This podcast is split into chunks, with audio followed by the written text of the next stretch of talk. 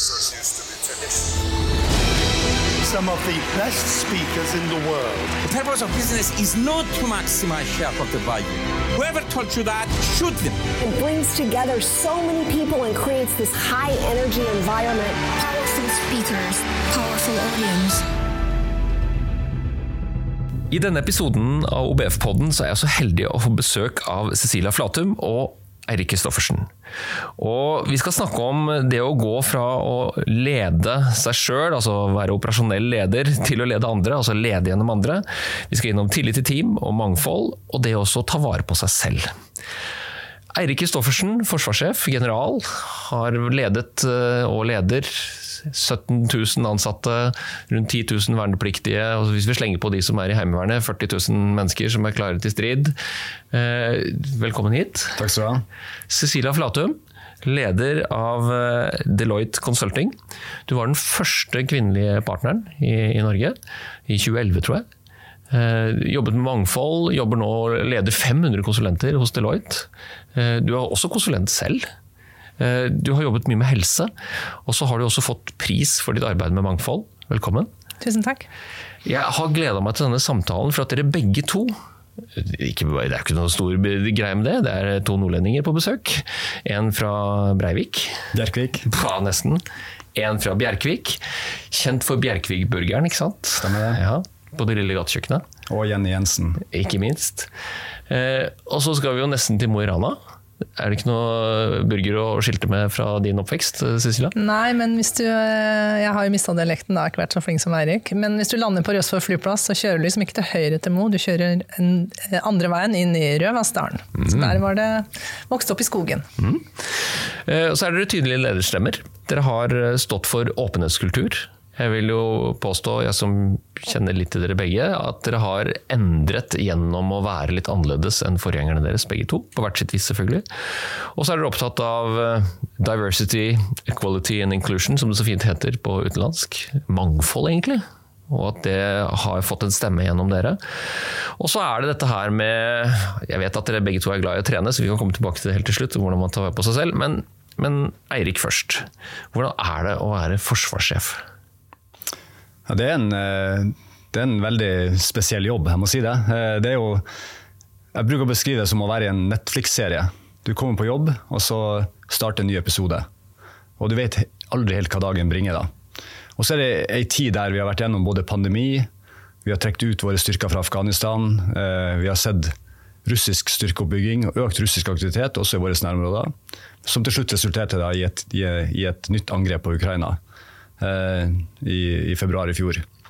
Og Oppi alt det her så søker også Sverige og Finland Nato-medlemskap. Så det har skjedd ganske store eh, historiske endringer i løpet av de siste to og et halvt årene.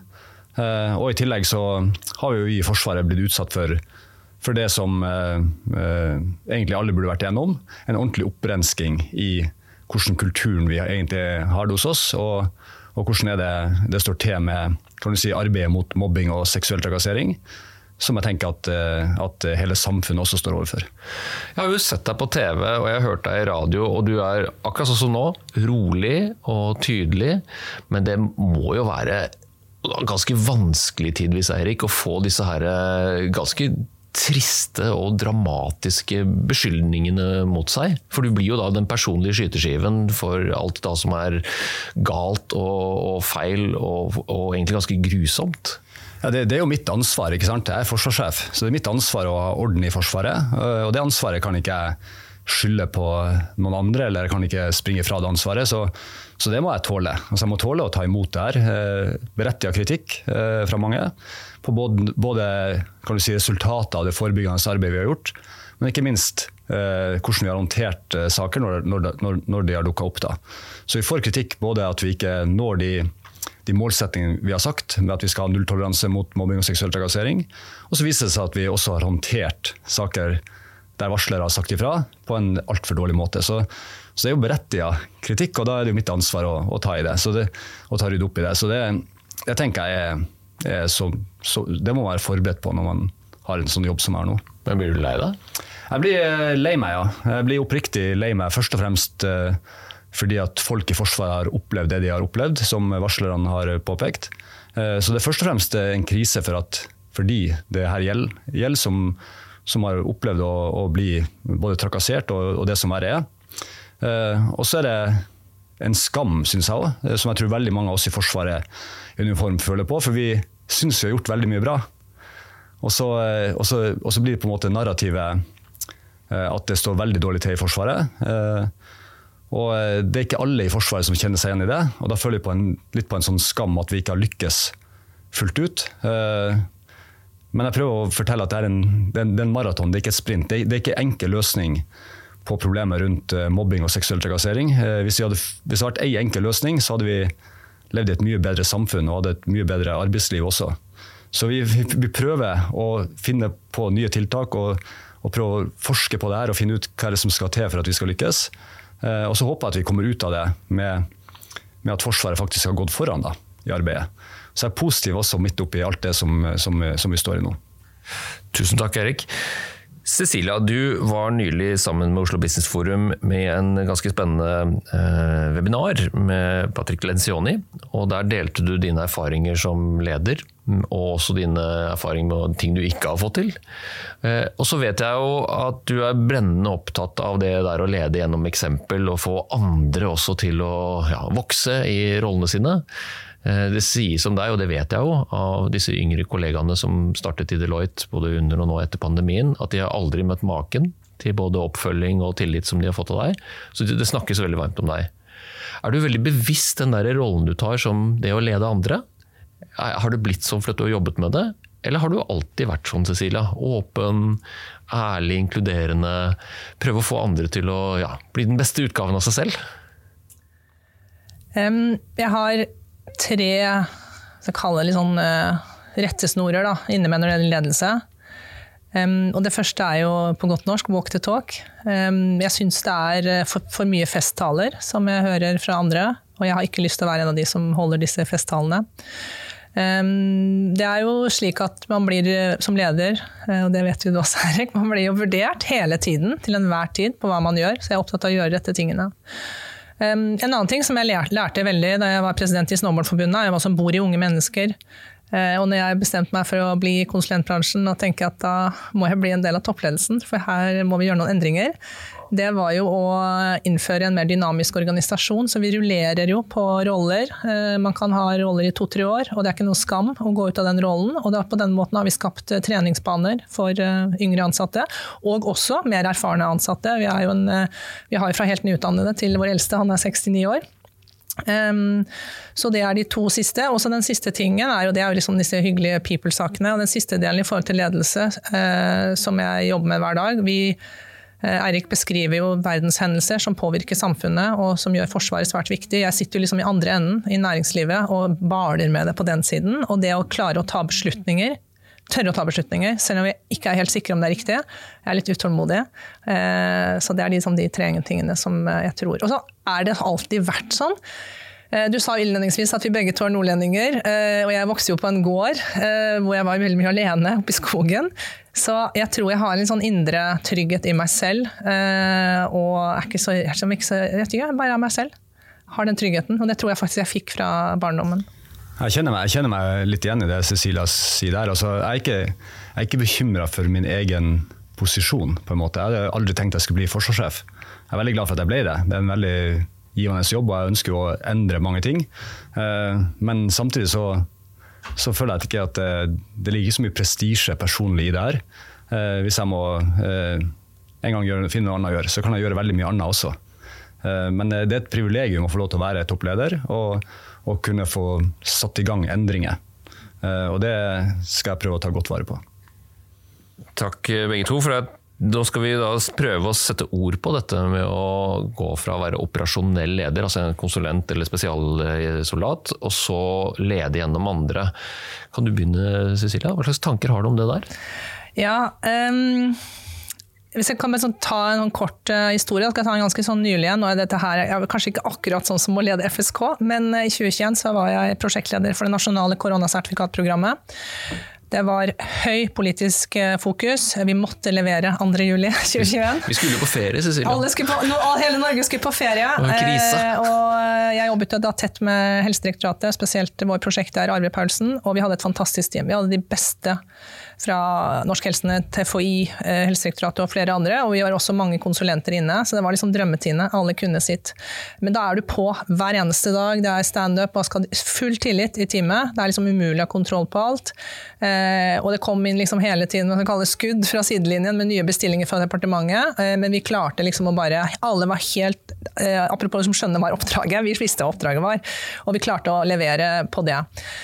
Så, eh, så Det er jo sånn mitt liv Jeg har vært konsulent i 20 år, og jeg vil si at i 15 år av livet mitt har det, det har vært jobben min. Og så når jeg kom inn i denne jobben som eh, leder av consulting og i Deloittes toppledelse, jeg har også hatt eh, lederrolle i Europa, så funker jo ikke det lenger. Fordi du skal lære å lede gjennom andre.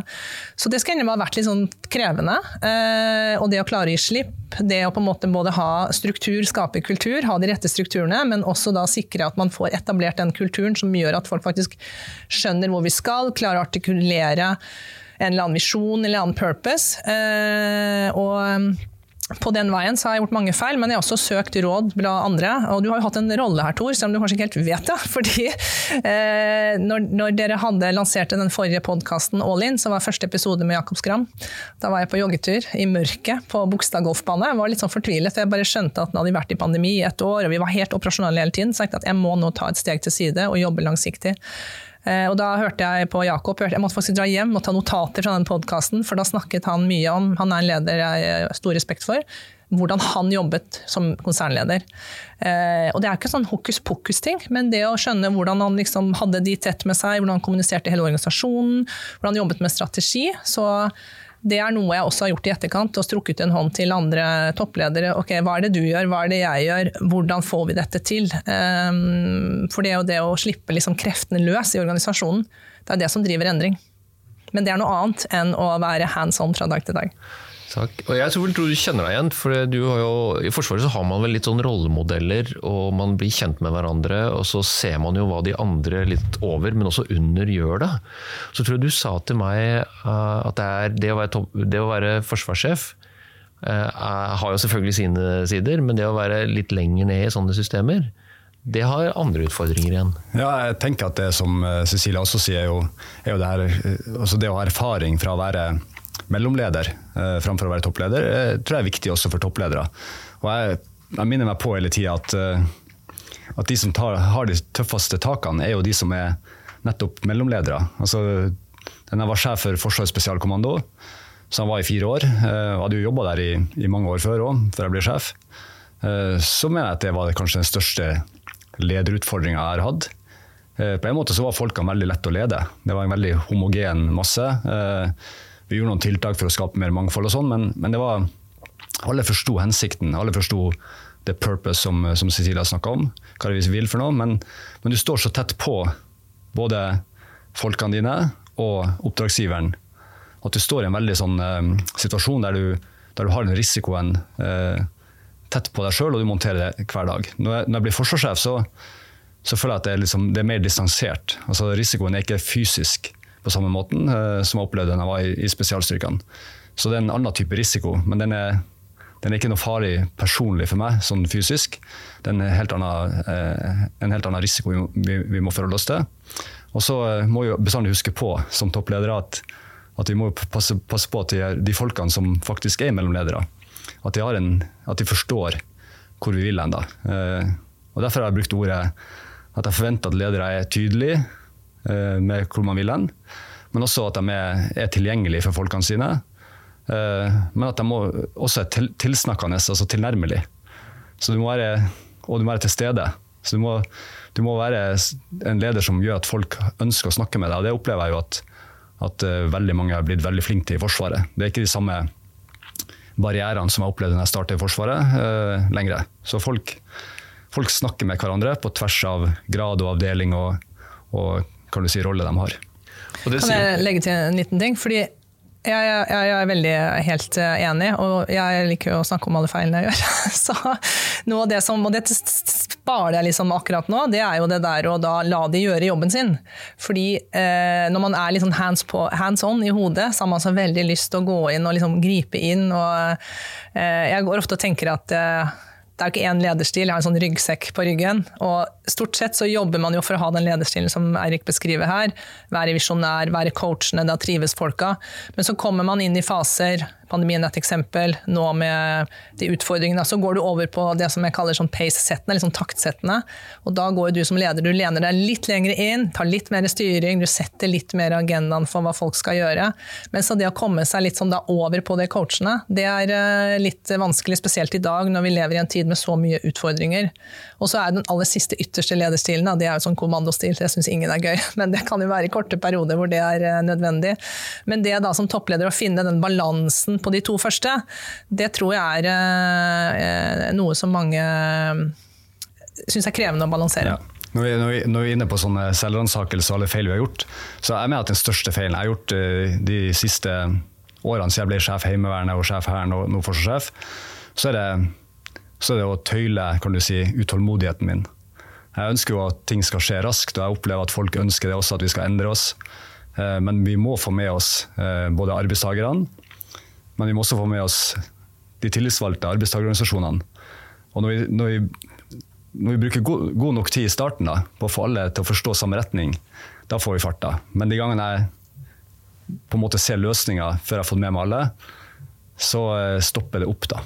Så vi, vi, blir ikke, vi blir ikke kraftig nok sammen. Og det tror jeg er den største utfordringa som toppleder. det er liksom Å få forankra endringen, sånn at alle forstår den. Ikke det at, altså, man er gjerne enig i løsninga, men å forstå hvorfor vi må endre oss, og hvorfor vi må gjøre, gjøre, det vi har tenkt å gjøre, og finne de beste løsningene. Så, så, jeg må bruke mer tid på å forklare hvorfor vi skal gjøre ting, enn nøyaktig hva vi skal gjøre, eller, eller hvordan vi skal gjøre det der. Uh, og det har jeg undervurdert av og til, uh, og flere ganger. Uh, viktigheten av å forstå behovet for, for endring. Hvorfor, ja. Og Det er jo den forankringsjobben som uh, topplederen er jo den man ser enten opp til eller veldig fort ned til. og tenker at det der var jo helt meningsløst, Eirik eller Cecilia, dette vil vi i hvert fall ikke være med på. Og Da får man jo menneskene mot seg. Og, den motstanden som vi nå snakker om, den, det er ikke sikkert det er til dere de kommer med det. I hvert fall ikke i første runde. Så jeg, jeg, har stor respekt for at det der ikke er så lett, og jeg er veldig glad for at dere deler og reflekterer over det. Nå skal jeg bevege dere litt i retning av et, et, et, tema som vi har snakket om i podkasten her før, med bl.a. broren din, Frode har vært her, og Jon Hammersmark har vært her. Og så har vi snakket om dette med tillitsbasert ledelse. Og jeg tror det klinger ganske godt i hvordan du tenker og jobber med konsultingoppdraget. For at tillitsbasert ledelse, da har man liksom et oppdrag, eller et mål.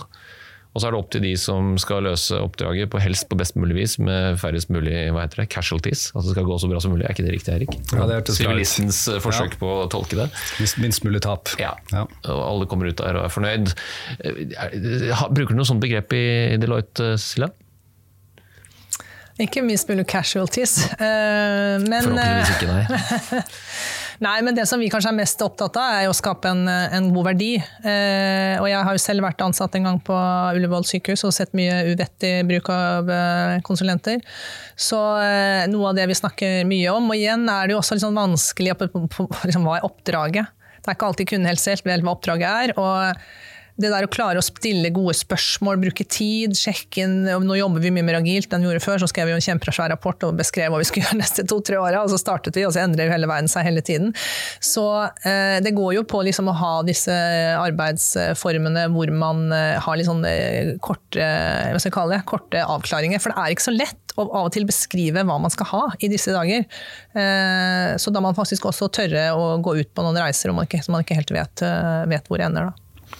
Det, du starta å snakke om, var jo, var jo tillit. Og, og hvordan tillit har vi i organisasjonen. Og, og, jeg mener at det er viktig at ledere erklærer tillit. Altså, vi, vi, som er ledere, vi må si til folk at vi stoler på dem. Eh, og alle som har et lederansvar, må, må jevnlig tenke over hvilket menneskesyn har jeg egentlig. da. Jeg har et veldig sånn grunnleggende positivt menneskesyn, og jeg, jeg, mener også at jeg kan bygge på erfaring på det. Så Folk gjør generelt sett sitt beste. da. Eh, og vi ser det i, eh, Jeg ser det i Afghanistan, jeg ser det på operasjoner andre steder. At når det er krise eller, eller veldig vanskelig, så, så, gjør folk sitt beste. Da. Og da tenker jeg at da gjør de sitt beste hver dag òg. Eh, så, så, det å ha stole på folk. Forstå at folk gjør sitt beste. Og, og at det beste på en måte er det som ligger til grunn for, for motivasjon når folk går på jobb hver dag. Eh, det, det, er et syn som man må ta med seg da, og, være, og ha som leder. Hvis ikke så, så, vil man få en veldig mistenksom kultur. Eh, og så er det, er det en, en nedside med et veldig positivt menneskesyn. Eh, det at man kan bli anklaget for å være naiv. Det tenker jeg ikke er så farlig. Men det andre er at vi må også være forberedt på at du kommer til å bli skuffa. Altså, med et grunnleggende positivt menneskesyn så vil noen folk skuffe deg. Men det må ikke ødelegge menneskesynet. Du må ikke la enkelthendelser ødelegger det grunnleggende positive menneskesynet. Hvor mye tid tar en sånn skuffelse i sinnet ditt og tankene dine, Erik? Nei, de, de varslingssakene er jo der er De folkene som jeg vet har gjort gale ting, de har jo på en måte skuffa meg for veldig, veldig lang tid. Uh, og det varer jo til man sier at 'beklager, jeg misforsto', eller 'unnskyld, det skal ikke skje igjen'. Det er jo, det er jo unnskyldninger som på en måte opphever denne skuffelsen. da. Så, så, samtidig så erkjenner jeg jo at folk gjør feil, da. Så, og det er jo et produkt av òg det var lov til å feile og, og lære i spesialstyrkene, og det tok jeg med meg videre. Hvis, hvis vi hadde, hadde, en kultur der, der, vi skjulte feilene, så hadde vi hadde en veldig farlig kultur. da. Så det var en åpenhetskultur rundt det å feile, og, og vi ble satt i situasjoner når vi trente og øvde som gjorde at vi alle feila. Og det, det, skapte også en kultur der det var aksept for å feile, det var aksept for å lære av feilene. Eh, og så var det eh, litt sånn hvis du først har gjort en feil, så prøv å ikke gjenta den for mange ganger. Så jeg husker en, sa, instruktør sa til meg at når du gjør det for tredje gang, da må vi ta en prat. Da har du ikke vist evne til å lære. Så det, det er noe med det å ha en kultur der, der feiling er, en del av, av uh, hverdagen, og at, og at, man snakker om de feilene uh, for, å, for å bli bedre. Og Det snakker jo du om i dette med å tilpasse seg til omgivelsene, eller ta signalene fra omgivelsene og så prøve å finne løsninger sammen med de ressursene som man kan mobilisere. Men så vet jeg du har jobbet i mange år Cecilia, med mangfold og med å få flere stemmer kanskje til å bli hørt. Og du er jo selv en sånn stemme. Med og fått pris fra Oda-gjengen for dokumenterbart mangfoldsarbeid. Det er veldig flott. Det fikk du i fjor. Eirik har også fått en pris for mangfoldsarbeid. Så satt opp en, en jegerkommandostyrke for kvinner. Jobbet i mange år med det. Du og Jon Hammersmark har jeg lest. Uh, og så er det jo interessant å nå høre om, om dette mangfoldsbegrepet i, i, organisasjoner som Alle snakker jo om det, og at det er viktig. Og så er jeg litt sånn nysgjerrig på hvordan definerer dere det ja, i 2023? Ja, um for oss er jo mangfold Vi er der nå vi omfavner hele, hele dimensjonen. Eh, vi jobbet ekstremt mye med kjønnsmangfold i lange år. Nå har vi også mest fokus på kulturelt mangfold. Vi har jo 20-25 20 nasjonaliteter. Jeg jobber mye med LGD, LGBT pluss community, men også i forhold til eh, alder. Men det som har vært min, jeg hadde en, eh, Dette var før jeg vant prisen. Jeg hadde en skikkelig sånn aha-opplevelse hvor krevende det er. Eh, dette har jeg snakket om i veldig veldig mange år og jobbet veldig mye om det. Så For noen år siden så skulle jeg opp på Norefjell hvor vi har alle de nyansatte, som vi da har, liksom, kjører de inn i, i, opptrening. Og så skulle jeg presentere liksom status på økonomi, og så tenkte jeg må ha noen people-kopier, og så tok jeg ut de siste mangfoldskopiene. Og så bare ser jeg på og tenkte shit. De har ikke endra seg noen ting på de to årene jeg har vært leder. Eh, og da har vi jobbet allerede i mange ulike dimensjoner. Eh, og på den tiden så hadde jeg også et eh, ansvar i Deloitte Europa for å komme opp med den mangfoldsstrategien, eller mangfold og inkludering. Det handler, jo, like mye om inkludering og psykologisk trygghet og kultur. Så vi satte oss ned, gikk gjennom alt av forskning, beste praksis, og så lagde vi en ny plan. Så dette er den gode planen. Men så, rett før vi skulle legge det fram til ledergruppa, hvor jeg satt, så var det sånn Vet du hva, Cecilia, den planen her kommer ikke til å funke. Kommer ikke til å gå fort nok. Dette er bare hygienefaktorer. Vi må gjøre mye mer. Så da gikk jeg tilbake til ledergruppa og sa det her er planen, den kan vi gjøre. Liksom. Den gjør alle sammen. Vi må gjøre det som heter the bold moves. Og så satte vi oss ned sammen med den eh, toppledergruppa. Og så spurte jeg ok, hvis dere ikke ville vært redde, da, hvis dere hadde ingen hindringer, hva ville dere gjort da? Og da kom de opp, eller vi kom opp sammen med ganske sånne tøffe tiltak, som jeg i dag smiler litt av, for de er ikke så tøffe. Men da føltes de, og dette var jo da fra en italiensk toppleder til UK og Norge, så noen var kanskje tøffere for han italieneren enn meg, men eh, de tiltakene begynte vi å implementere, og da, liksom, da fikk vi liksom ketsjupen ut av flaska. Så jeg tror, litt sånn tilbake til festtaler, da. Jeg tror ikke alle helt skjønner hvor utrolig krevende det er å komme gjennom på den mangfoldsbiten. Eh, og det vi ser nå, spesielt siden vi har ansatt veldig flerkulturelt, er jo da hvordan skal de føle seg inkludert? Og Det går jo på alkohol, på arrangementer. Eh, nå er det ramadan, bl.a. Markerer vi det på samme måte som jul og påske? og eh, Hvordan håndterer du språk hvis noen bare snakker engelsk? Altså dette her er, eh, Vi snakket i stad om eh, mobbing og trakassering. Det er jo liksom noe svært alvorlig, men det er ikke noe sånn silver bullet. Og det er tilbake, det er toppleders ansvar. Men må, det må gjennomsøres mye mye mer, tror jeg, enn det egentlig noen helt skjønner. I, I, den boken uh, 'Jegerånden', Erik, så beskriver du at du som leder for FSK, nå må du korrigere meg hvis jeg har misforstått det, så hadde du og gjengen funnet ut at det det, ble det vanskeligere og vanskeligere å komme gjennom dette nåløyet. Uh, og dere gjorde ikke så veldig mye med det før dere bare innså at nei, vi, vi må sette opp andre kriterier for kvinner, for det var der dere startet. Er ikke det riktig? Er det riktig ja, det, tolket? Det er ganske rett. Altså, det er ikke helt rett. Men eh, det som, var, det som er med alle sånne kan du si, utvelgelsesprosesser av folk, så er, en, så er, min hypotese da, at det blir vanskeligere og vanskeligere. Altså, det, det, I seg sjøl å ha en, en, seleksjonsprosess som ikke endres, eh, vil automatisk føre til mer tilspissing. Ja, for det er så, sånn Fysiske kapabiliteter ja, er jo ja. sånn likt. Men så går man forbi det igjen for å selektere skarpere? Er det det som er ja, det greia? Som skjer, La oss si at du, si at du har et krav om at du skal for å jobbe i denne avdelinga her, så må du springe 3000 meter på 15 minutter. Så vil det være noen som springer på 9 minutter, og noen springer på 12 og noen springer på 14. Men, men, det vi gjør da, det er at vi begynner å se på de tingene som skal måles. da. Så man begynner å plukke de folkene som springer på 9, selv om kravet var 15. Så istedenfor bare å si at uh, hvis kravet er for å være fysisk skikka for å hoppe fallskjerm, så må du kunne løfte deg sjøl opp i en, i en sånn bom fem ganger med kroppsvekt, som pullups. Så når du har tatt fem, så stopp. Ikke la folk ta åtte, ni og ti, for da begynner du automatisk å se etter de som scorer enda bedre. Så vi, vi, ender opp i en situasjon der vi ofte måler det som kan måles, og ikke det som kanskje er aller viktigst. Som også Cecilia er inne på. Altså, hvordan er vi sammensatt som gruppe?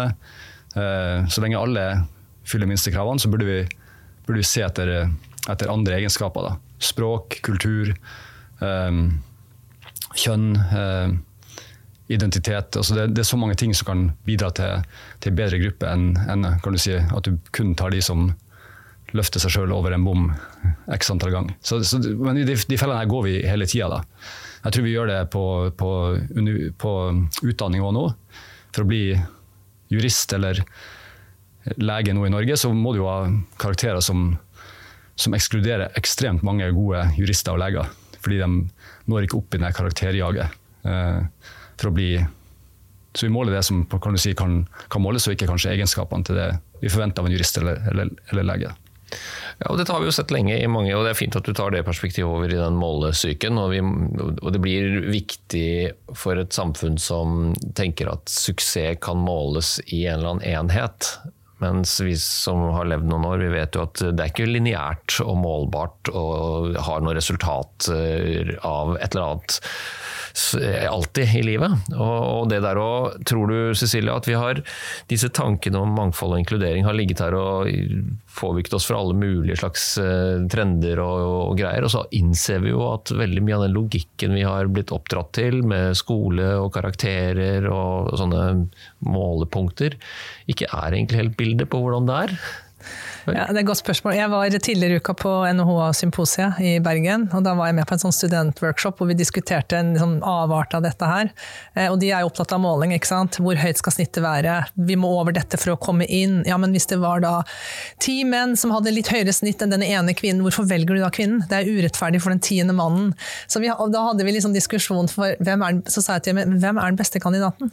Er det den som, egentlig det du også sier, Eirik, med tanke på teamet, er det den som hadde snitt sånn og sånn, eller tok eh, 15 pullups? Eller var det fordi at vi måtte sette sammen den eh, gruppen på en annen eh, måte? Eh, og det går jo veldig mye på seleksjon, og det går på bias. Jeg husker for en tid tilbake så fikk jeg sånn, her er alle kontraktene du må signere for alle nyansettelser. Så var det en gigantisk overvekt med menn. Så bare sa jeg nekter å signere, jeg kan ikke signere på dette her. Og så måtte vi gå tilbake, hva har skjedd der? Er det liksom de testene vi kjører? Og så viste det at akkurat den dagen så hadde de tre kvinnene som skulle intervjue være sykemeldt, så vi hadde intervjuet med ti menn. Og jeg skal ikke skylde på de, men det der å liksom gå inn i de seleksjonskriteriene, jeg tror eh, det er en eh, Individet er veldig opptatt av det, men som en toppleder så må man da på en måte klare å se et større, større bilde, da. Ja, og Forsvaret er et veldig godt eksempel. Vi, vi kaller inn 10 000 vernepliktige 19-20-åringer hvert år til førstegangstjeneste. Og det er denne eh, menneskemengden vi rekrutterer videre til Forsvaret fra, primært. Og der ser vi jo at, at de kriteriene som ligger til grunn for de som skal gjennomføre førstegangstjenesten, de blir jo ikke, vi har ikke tatt steget ut og sett på mangfold, hvem som har lyst til å være soldat lenge, eh, samfunnsansvar i forhold til folk som har kanskje noen mangler i CV-en sin, som gjør at de kunne vært en kjempegod soldat, men de kommer heller ikke inn på skolen, og så kommer de heller ikke inn til førstegangstjenesten, fordi vi på en måte kaller inn én av seks, og så måler vi sannsynligvis ikke de rette tingene. Så, så det ligger ikke til grunn for uttaket til førstegangstjenesten. Det behovet vi har for å ha folk med i Forsvaret som skal stå lenge i Forsvaret etterpå, og heller ikke det behovet vi har for å få inn forskjellige typer eh, mennesker. Da. Og, og Noen av de her begrensende faktorene er, er f.eks. måten man gjennomfører sikkerhetsklareringsprosessen på i, i Norge i dag. Der det, der det er veldig vanskelig å få sikkerhetsklarering hvis du, ikke, hvis du er, kommer fra et land der Norge kanskje ikke har en sikkerhetsavtale. Så, så vi har lagt, lagt oss på noen sånne administrative begrensninger òg. Der kanskje en samtale, en individuell behandling, kunne, ha- kunne ha løst opp i det. Ja, fordi det er jo, vi beskriver jo sånn at vi har denne massen, og så har vi satt kriterier, og så velger vi. Men de velger jo også oss. Eh, og vi, en, vi har kjørt et eh, samarbeid med Catalyst og Lisa Cooper på sånn omvendt mentoring, hvor vi da har eh, andre, stort sett andre generasjonsinnvandrere som er mentorer for oss gamle partnere. Og det de sa, da Maja fikk litt sånn aha-opplevelse, så sa de sånn, hvorfor skal vi velge dere som arbeidsgiver? Dere er jo totalt uinteressante. Jeg kommer inn her, og jeg ser liksom bare blenda hvitt. Jeg ser ingen rollemodeller her som gjør at jeg skal ha lyst til å jobbe her hos dere. Og Det var en ganske sånn eh, kaldt vann i blodet-opplevelse, så nå ble mange av de ansatt. Eh, Og Det er liksom de øyeblikkene hvor du skjønner at du tror du har jobbet med noe, og så kommer det noen med et annet perspektiv. Som ja, snur litt opp ned på hodet ditt. Men det er viktig da å ha ører og lære, da. Jeg hadde en sånn uh, ut av meg selv-opplevelse. Vi satt i, i Nato sitt forsvarssjefsmøte. altså Nå er Sverige og Finland også med, så det er 32 forsvarssjefer. Uh, og så er det de som er militærrepresentanter. Eh, I Norge så er det admiral Louise Dedichen som er vår representant. Så det er 64 mennesker da. Og når vi, når, vi, når vi skal diskutere mangfold, så er 63 av de 64 er menn som ser akkurat ut som jeg gjør, eller litt eldre. Det, det er liksom det som er Så skal, skal denne gruppa her diskutere mangfold, og da er vi litt tilbake igjen til det Cecilia sa. altså Vi er ikke noe forbilde på noe som helst måte eh, for, å, for at folk skal velge oss, da. Nei, det er jo en, eh, og er en eh, og evig både diskusjon og arbeid som må gjøres. Selvfølgelig, og Jo flere stemmer, jo bedre diskusjon får vi. Og så er det ikke sikkert at konklusjonen og resultatet alltid blir så veldig annerledes. Og Det er også litt verdt å huske på. Det er jo en vesensforskjell i virksomhetene dere leder. Altså Det er jo en konsulentvirksomhet og et eh, lite samfunnsmaskineri i samfunnet. Forsvaret er jo ja, det er jo et samfunn i seg selv. Litt sånn selvrekrutterende å holde på, men alle har en mening om det. Og så så har jo alle en mening om konsulting også, selvfølgelig. Hvordan man gjennomfører det og hva det blir til. Så, så, så det, sånn sett er det litt interessant å, å bare ta dere med på en liten loop før vi skal lande mot det å ta vare på seg selv. Det er I boken din Erik, så skriver du om, eh, og det, jeg liker denne så godt, det er derfor jeg drar den opp, da, om, om de teamene og de prosjektene som lykkes. Det er for at det er god stemning. Og når jeg leste det, så måtte jeg, le- jeg understreket og så kjente jeg bare, for wow, dette må jeg høre litt nærmere om for god stemning da, fra, fra FSK, som du tar oss med inn i, i Jegerånden. Handler om, eh, slik jeg forstår det, tillit og forståelse, eh, vellykket ledelse og motiverte medarbeidere. Det er jo drømmeoppskriften for alle som driver med endringsledelse alt sammen. Men god stemning, Erik? Ja, jeg, jeg la jo til det kapittelet i boka. Det ble en sånn ekstra kapittel om god stemning. For jeg mente at det kom ikke godt nok frem da. Hvor viktig det er at, at folk trives. Altså Det er helt grunnleggende. Og da er vi tilbake igjen til, til hva det er vi i Forsvaret kan konkurrere på. Jo, vi kan konkurrere på miljø, vi kan konkurrere på et viktig oppdrag. Eh, men vi kan eh, ikke konkurrere på lønn, og vi kan ikke konkurrere på eh, bestandig geografi heller. Vi er på steder som, eh, som der det er skytefelt og, og eh, kan du si, eh, ikke så mye infrastruktur som det er i mer sentrale eh, områder av Norge. Da. Så vi må, vi må, konkurrere på noe annet, og vi må konkurrere på miljø, og da er god stemning helt avgjørende. Da. Og så må ikke god stemning være mål i seg sjøl. Men, eh, men, det jeg opplever er at når folk forstår eh, oppdraget sitt, de får lov til å gjøre jobben sin, og de får tid til å ta vare på hverandre, så, så blir det litt god stemning. Og I Forsvaret så sier vi at helt grunnleggende ledelse handler om å løse oppdrag og ta vare på folkene. Og så er jeg nok, tror jeg nok i veldig mange år har vært mer opptatt av å løse oppdrag enn å ta vare på folk. Og Det, det er den tilbakemeldingen jeg får når jeg er ute og snakker rundt, rundt, det med mobbing og seksuell trakassering. det er at de, Folk tar seg ikke tida til å sette seg ned og snakke om hvordan de har det. Så nå har f.eks. Hæren innført noe som de kaller 'ikke i mitt lag'. Eh, der alle skal, set, skal, bruke seks formelle samlinger i året til å snakke om hvordan vi har det. Om det er et lag på grensen til, til Russland oppe på, i Kirkenes, eller om det er et lag i form av kjøkkenpersonale på messa på Setermoen, så skal alle sammen sette seg ned og snakke om, eh, om hvordan man har det på jobben, og, og hva, man, hva, vi må ta tak i. da. Og Det er jo for å skape denne gode stemninga, som jeg tror er forutsetninga for både å finne nye måter å jobbe på, men også for å løse de oppdragene vi har til, en, enhver tid. da. Ja, så ligger det noe grunnleggende respekt i dette her. Vi, snakker egentlig ikke om det. Altså Den tilliten kommer jo selvfølgelig hvis man opplever at man blir hørt og forstått og godtatt for den man er og habla habla. Men er det også det vi nok har litt sånn vondt for å innrømme? At vi kan bli utfordret på den der tilliten og respekten? Ja, Det, det handler egentlig om inkludering. Og, og, mangfold handler også om inkludering, som også Cecilia sa. Det, det er jo det å komme til et sted og føle seg velkommen og bli tatt på alvor med en gang. Og i veldig mange områder jeg har sett i avdeling eller hva det måtte være, så, så, blir de Det er på en måte en forventning om at man skal opparbeide seg en tillit, eller opparbeide seg en respekt. Det, det, det har vi ikke tid til i dag. Vi må den, erklære den tilliten, vise den respekten fra første stund. da.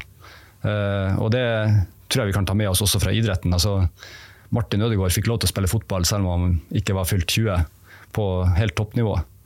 Mens i enkelte avdelinger så er det sånn at de som har vært der lenge, de, de har på en måte mer å si enn de som kommer ferske inn. da. Og det, det, går jo ikke an. Det kan være de nye som har de viktigste ideene. Så, så, det, så det, handler om inkludering og, og, det du sier, respekt i, i helt, for å si det på en enkel måte. Da. Så er det et ord til som jeg vet Cecilie er glad i, og som hun snakker om, og det er sårbarhet eller av ydmykhet ikke det riktig? Som toppleder å være raus med andre om sin feilbarighet? Ja, fordi jeg tenker um, i den, uh, den, reisen vi har vært på da, i forhold til uh, altså, Først var det sånn kunden alltid først, client first, alltid rett. Og så har vi liksom switchet veldig på det, ganske i linje med det Eirik sier, at det er faktisk folka først. Og så er det jo alltid noen balanser her, da. Men det å bare på en måte sette det også strategisk, um, og I hvert fall gjennom tiden som vi har vært gjennom nå.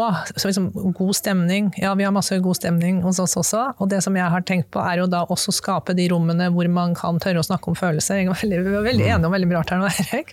Så, og noe av det, Vi hadde nylig et sånt ledermøte, og det har vært et hardt kjør må jeg innrømme nå, siste året. For det har vært så mye usikkerhet.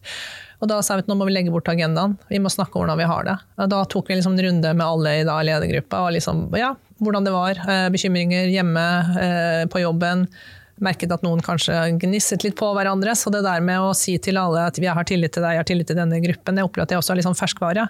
For når det drar seg til, da går liksom alle litt inn i teltet, eh, og du får fram litt forskjellige personligheter. Så, eh, eh, men det, og dette var opp tilbake til disse bold movene. Det var faktisk en av de. At vi som ledere Eh, måtte også snakke mer om følelser og hvordan vi har det. For vi, vi, var jo fraskrekkende i forhold til mange unge kvinner og menn i forhold til å gå vår karrierevei. Det var jo ingen som uh, hadde lyst til å se ut så slitne som vi så ut. Så gå mot resultat, ja, så, skulle bli partner, skulle ja, lykkes. Ja, det skal fremmes. Utslitt ut hele gjengen. Så, så da det, måtte vi snakke også litt mer om følelser, da. Det er så fantastisk, den lille pausen der. For vi har jo lyst til å fylle på det, samtidig som det er så fint at det avsluttes der. For den, det siste temaet vi skal snakke om, er eh, hvordan tar vi vare på oss selv? Eh, Cecilia, du skal få lov til det først, for at vi skal løse oppdraget. Det syns jeg vi har gjort det nå. Og så skal man ta vare på folka sine. Men hvordan tar Cecilia Flatum eh, vare på seg selv?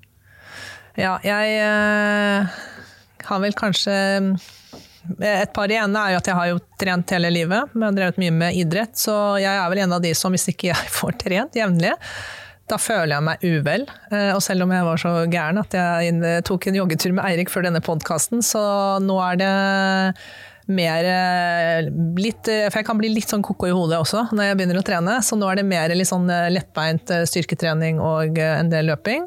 Jeg mediterer ganske mye, bare liksom føler jeg mer og mer. Hver, eh, har en sånn liten ti minutter hver eh, morgen. Um, og så eh, er det det der å klare å koble av. Jeg har nok en tendens til at du liksom girer opp, og så bare kjører jeg liksom sjettegiret hele tiden. Lenge, lenge, lenge. lenge. Men da blir jo batteriet Det går jo ut. Så det å klare å ta det ned eh, Og da er det jo mye tid med familien. Mye på fjellet og på ski og snowboard og windsurfing. Og, klarer- så det er mye sport. Men klarer du å la mobilen ligge, da? Eller plinger den, og så må du sjekke litt? Og så er det på sånn Det vil si jeg er i varierende grad, men eh, jeg, har, eh, jeg får ikke opp alle mailene, nei. nei. Det gjør jeg ikke. Og så har vi også en sånn eh, tagline på alle e-poster i Deloitte hvor det står at selv om jeg sendte deg den mailen og utenfor arbeidstid, så forventer jeg ikke at du skal svare. Men kort oppsummert, sånn, det er jo mer idrett som gjør at jeg Og jeg trener ganske ofte litt alene, for da får jeg liksom tenkt og prosessert og gjort sånn type ting. Takk. Nei, når når jeg ble forsvarssjef, så fikk jeg jo et råd fra forrige forsvarssjef, og det var at jeg måtte være meg sjøl. Så jeg måtte ikke prøve å være noen andre enn meg sjøl, og det satte jeg veldig pris på da, fra, fra Håkon Brun-Hansen. Husk på det, Erik, at du blir valgt fordi du er den du er. Så husk å være deg sjøl. Og så skulle han ikke gi meg flere råd, da. Men på slutten av, eh, av eh, kan du si, overlappingsperioden da, og, og byttet, så sa han til meg at eh, du må også ta vare på deg sjøl, for det er ikke noen andre som tenker på at du skal ta vare på deg sjøl. Eh, og det, det jeg gjør, er jo veldig mye likt det Cecilia sier. Altså, eh, det er jo, jeg, jeg prøver å holde meg i fysisk form. Jeg prøver å trene hver dag, Uh, i hvert fall seks dager i uka. Bruker å legge inn én hviledag, men, men det, det gjør at jeg føler at jeg har gjort noe. Altså, mange dager kan du føle at hva gjorde jeg egentlig i dag, men da jeg i hvert fall uh, jogga eller trent, hadde en styrkeøkta. Og det andre er at jeg, jeg prøver å lese bøker. Eh, og jeg lagde noe som heter Forsvarssjefens bokklubb, som ikke er en bokklubb, men jeg, leser en bok og inviterer forfatteren og inviterer noen tilfeldige folk fra Forsvaret som har noe med den boka å gjøre. Og så har vi en sånn samling, da. Så det å lese bøker syns jeg har vært viktig for meg, både for å reflektere, men også for å, for å lære. da. Og så er det jo å finne, seg, finne tid sammen med de nærmeste. og og når jeg og Linn Therese, eh, som jeg er gift med, har fri. Så prøver vi å, å gjøre minst mulig, faktisk. Vi trener sammen, men vi prøver også bare å gjøre de helt enkle tingene i livet. Som å gå på, gå på kafé, kanskje gå på en kino. Eh, bare slappe av. Eh, og når vi da skal, så så jeg har prøvd å ikke fylle dagen, for, eller helgen, med for mye aktiviteter. Som, eh, som jeg drev med før. da. Altså, jeg har slutta å hoppe fallskjerm, jeg dykker ikke noe særlig lenger. Jeg, jeg, jeg drar ikke på sånne lange turer med venner for å stå på ski. Det blir liksom oss, da. Eh, og, og det gir overskudd. Og det siste som jeg mener er undervurdert av veldig mange folk i dag, det er å få nok søvn. Altså det å få sju timer pluss, gjerne åtte, i døgnet, det, det betyr så mye for hvordan du kommer gjennom dagen, og hvordan du har overskudd da i møter som kan være lenge, eller, eller situasjoner som kan være vanskelige. Så trening og søvn er vel mitt beste tips da, sånn generelt for å, for å ta vare på seg sjøl. Ja, Det er riktig vakkert, og jeg bruker alltid, som den historikeren her, å slå et slag for den internasjonale arbeiderbevegelsens eh, 1. mai-parole fra 1900, altså 1900. Det var da åtte timer arbeid, åtte timer hvile og åtte timer søvn. Og Vi er så langt unna det som vi noen gang har vært, selv om folk kaver noe voldsomt med sin egen søvn og sin egen hvile og sin egen selvtid. Så det er veldig fint at vi kan eh, runde av på den måten. Det jeg har lært av denne samtalen her, er jo dette med, med, med det å drive gjennom endringer sånn som dere gjør, eh, og ha så lav prestisje som mulig. Tørre å sette ord på det at eh, ydmykhet og raushet og til og med skam kan være viktig å sette ord på. For det er jo walk the talk, det. Det er jo lede gjennom eksempel.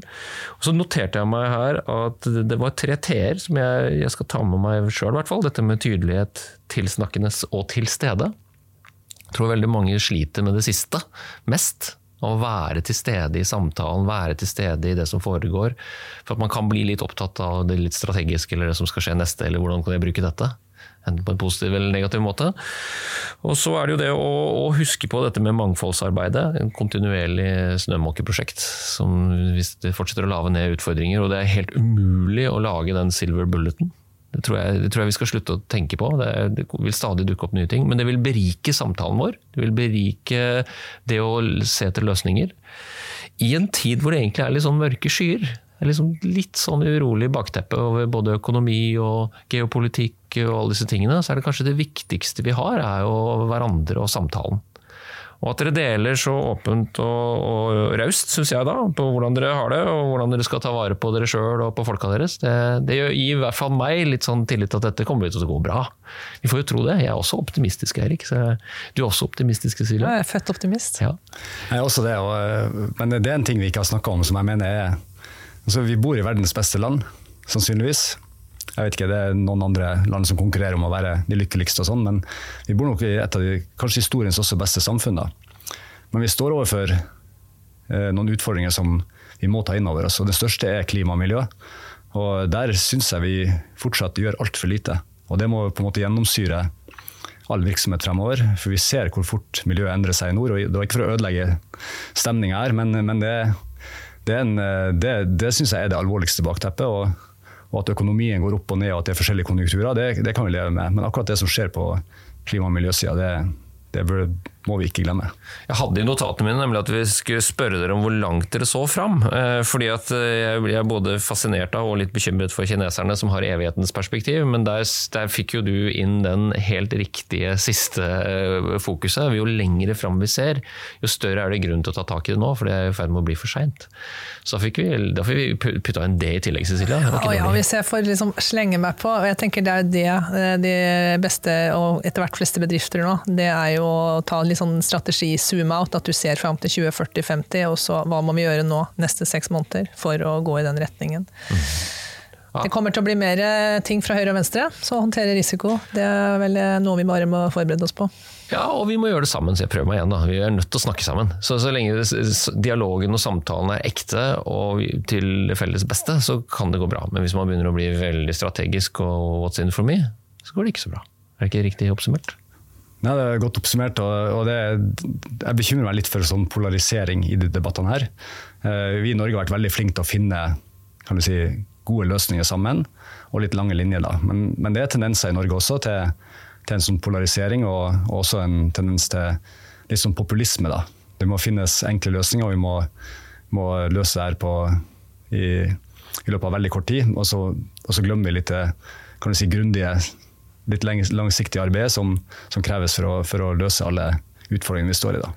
Og En av mine mentorer i mitt liv, som ikke lever lenger, han sa til meg at han, lev, han levde på 60- og 70-tallet og virket da. Han sa det at han forarga seg over at vi alltid måtte lese utlendingenes bruksanvisning. Og det gjør vi mer enn noensinne, for vi importerer også konflikter som egentlig ikke hører hjemme her. For vi blir så opptatt av å vise at vi er en del av verden, og det er vi jo. Og det er ikke sånn at det er look to Norway vi har løsningen på alt, men vi må også huske på hva det er vi får til og kan få til. Så jeg, Det vil jeg slå et slag til uten å høres ut som en sånn nasjonalist. At vi må ikke bli for opptatt av, av de glossy ideene og, og problemstillingene som vi importerer. Da. Nei, for jeg tenker at Det er jo hele verden som må se til Norden, med velferdsstaten og ikke minst tilliten i samfunnet. Ja, og Nå skal vi jo samarbeide også, skikkelig. Ja, Det, det nordiske samarbeidet skyter ordentlig fart eh, på militærsida nå. når jo, vi har jo holdt på med det her i årevis, da, men det er artig å se nå hvordan, hvordan eh, når Sverige og Finland eh, nå skal bli medlem av Nato, hvor, hvor mye mer fart og hvordan det akselererer hele samarbeidet når, når man liksom går all in. Uh, nå går vi fullt inn i det uh, framfor det vi har prøvd på i, i 13-14 år. Uh, med å prøve å finne gode løsninger uten at det var helt og fullt. da. Så, så det har gått veldig veldig fort det siste året. Og, og jeg har møtt de, de nordiske minst én gang i måneden. ofte flere ganger eh, for å finne løsninger etter at vi søkte Nato-medlemskap. Så, så, hvis vi går all, all, in, hvis vi går fullt og helt inn i det, så, så kommer løsningen raskt. Det er en fin avslutning, gjør det ikke det? Vi satser på det. Vi føler oss betrygget over at eh, det jobbes med og det snakkes sammen. Og tusen takk Cecilia og Eirik for denne hyggelige samtalen. Og til deg som hører på, det, jo, det går an å høre på en gang til, for her var det veldig mange ting som man kan ta notater fra. Og ikke minst ta med deg litt sånn glede, og husk på det med bærekraften. Det må vi alle gjøre. Takk skal du ha. Takk skal du. Tusen takk. Some of the best speakers in the world. The purpose of business is not to maximize shareholder value. Whoever told you that, shoot them. It brings together so many people and creates this high energy environment. Powerful speakers, powerful audience.